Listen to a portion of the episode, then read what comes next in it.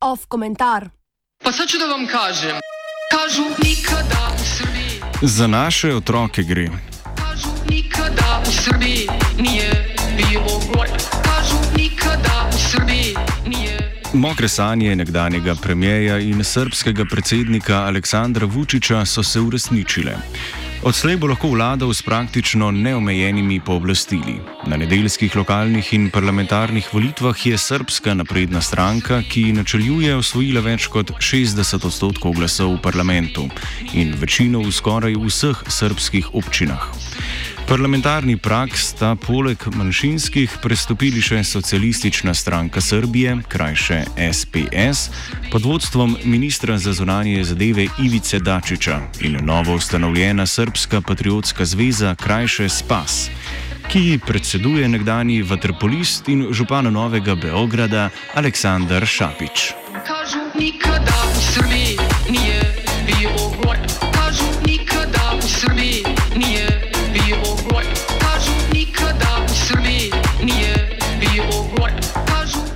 Malenkost nižjo volilno udeležbo kot leta 2016, volitev se je udeležilo okrog 50 odstotkov voljivcev od 6,4 milijona volilnih upravičencev, gre pripisati opozicijskemu bojkotu in višanju števila obolelih za novim koronavirusom.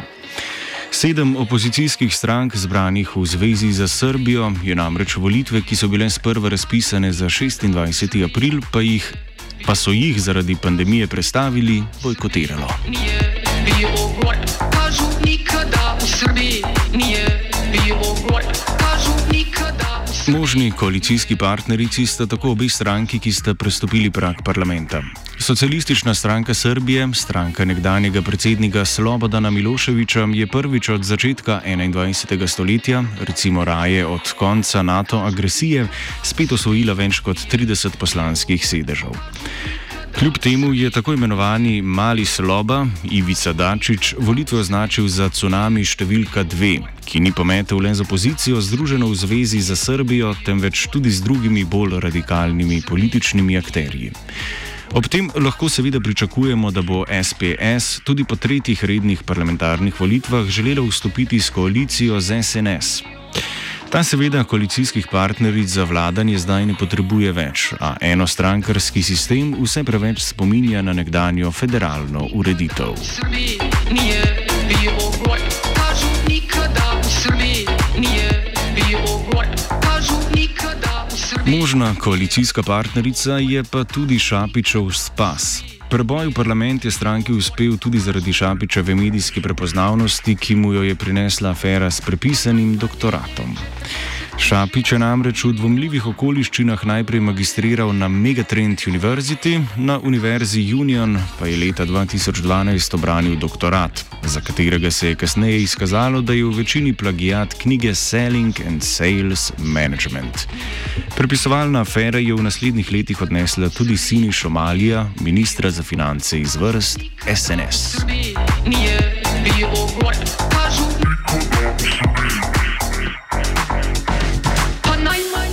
Da predvsej razdrobljena opozicija za uspeh nima zares pravih možnosti, se je začelo kazati že pred desetimi leti, ko je nekdaj močna demokratska stranka začela toniti. Usporedno pa se je začela uspenjati SNS, ki je bila ustanovljena iz naprednejšega krila radikalne stranke.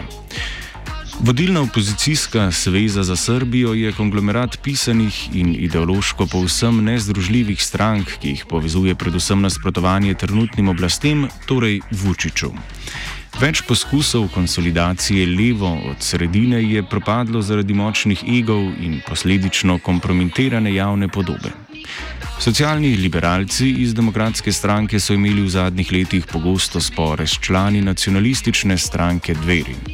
Potem je tu še nekdani beograjski župan Dragan Džilas, ki mu kritiki očitajo zlorabe položaja v času županovanja.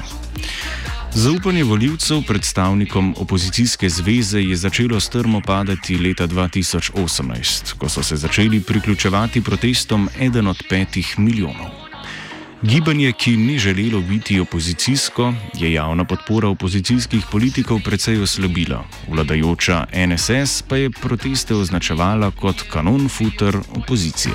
Nikada v Srbiji nije bilo gor, kažu nikada v Srbiji nije bilo gor.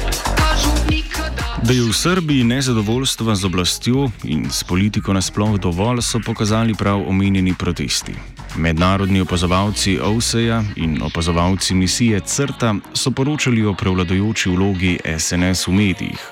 Slednja pa je v predvolilnih spotih poslužila celo magičnega realizma. Vse zato, da mobilizira čim večje število voljivcev, predvsem tistih, ki bi sicer ostali doma. Med njimi je bil največji delež mladih, ki so v anketi krovne organizacije Mladih Srbije kot razlog za nezanimanje za aktualno politiko navedli predvsem to, da oblast ne naslavlja problemov nedostopnosti stanovanj, manjka kulturnih vsebin v manjših mestih, neurejenega trga dela in kršenja delovskih pravic. Srbiji, nije,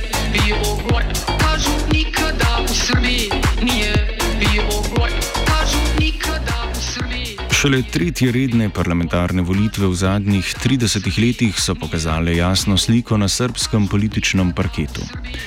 Potem, ko so volitve leta 2016 izbrisale posamezne stranke, so jih volitve leta 2020 dokončno pokončale. Vladajoča srpska napredna stranka je obrala zanesljivo taktiko. V času visoke javne podpore je sklicevala predčasne volitve, da bi si utrdila oblast. Osem let od prvega prihoda v vlado je tako utrjevanje prevladujoče vloge SNS uspešno zaključeno. Pri nedeljskih volitvah pa ni šlo zgolj za potrjevanje stranke, temveč predvsem za ustoličenje njenega voditelja, predsednika države Aleksandra Vučiča. Slednji prvič od prihoda stranke na oblast ni bil na volilnem seznamu, ker je leta 2017 postal predsednik države. To lepo potrjuje tudi trenutna srpska premijejka Ana Brnavič, ki je bila v javnih predvolilnih nastopih precej neopazna in celo javno oznanjala, kdo vleče niti iz ozadja. Nikada v Srbiji nije bilo gor, kažu nikada v Srbiji. Predvolilna kampanja tako ni obravnavala večjih tem, saj je bila zaznamovana z epidemijo. Nedeljske parlamentarne volitve so bile namreč prve volitve v katerikoli evropski državi od izbruha nove koronavirusne bolezni. Kljub temu, da Srbija, tudi zaradi počasne reakcije oblasti, bila ena huje prizadetih držav v jugovzhodni Evropi. Bilo gor, kažu nikada v Srbiji, V kampanji se niso dotaknili niti aktualnega dogajanja okoli Kosova, ki, ga, ki se ga vsi politični akteri izogibajo. V soboto je namreč v Beli hiši v ZDA predviden sestanek srpskega predsednika Vučiča in kosovskega predsednika Hašima Thačija. Nikada v Srbiji nije bilo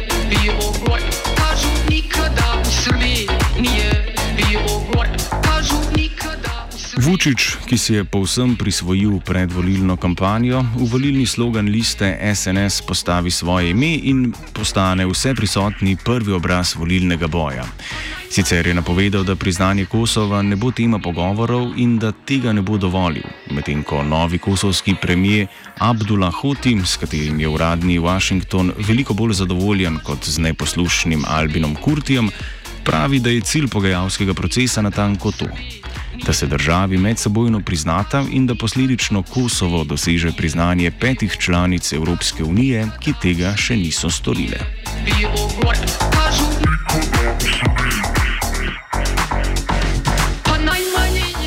Da bo Kosovo v novem sklicu srpskega parlamenta prevladujoča tema, kaže tudi srečanje Vučiča z ruskim zunanjim ministrom Sergejem Lavrovom prejšnji teden.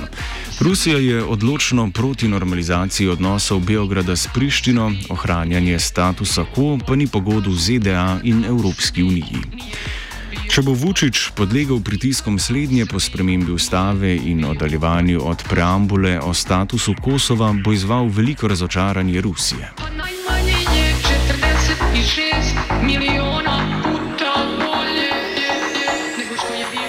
Veliko bolj zgovoren v predvolilni kampanji pa je bil mok nekdaj bolj kritične tujine, ki je nekdanjega radikalca in Miloševičevega ministra za propagando Vučiča po njegovem preporodu v zadržanega in preračunljivega proevropskega politika že davno sprejela kot poroka večje stabilnosti na Balkanu.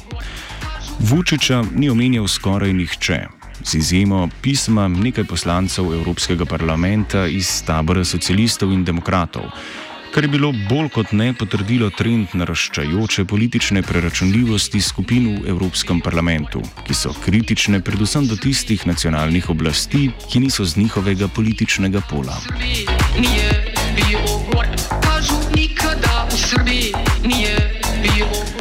Komentiral Dugi. Off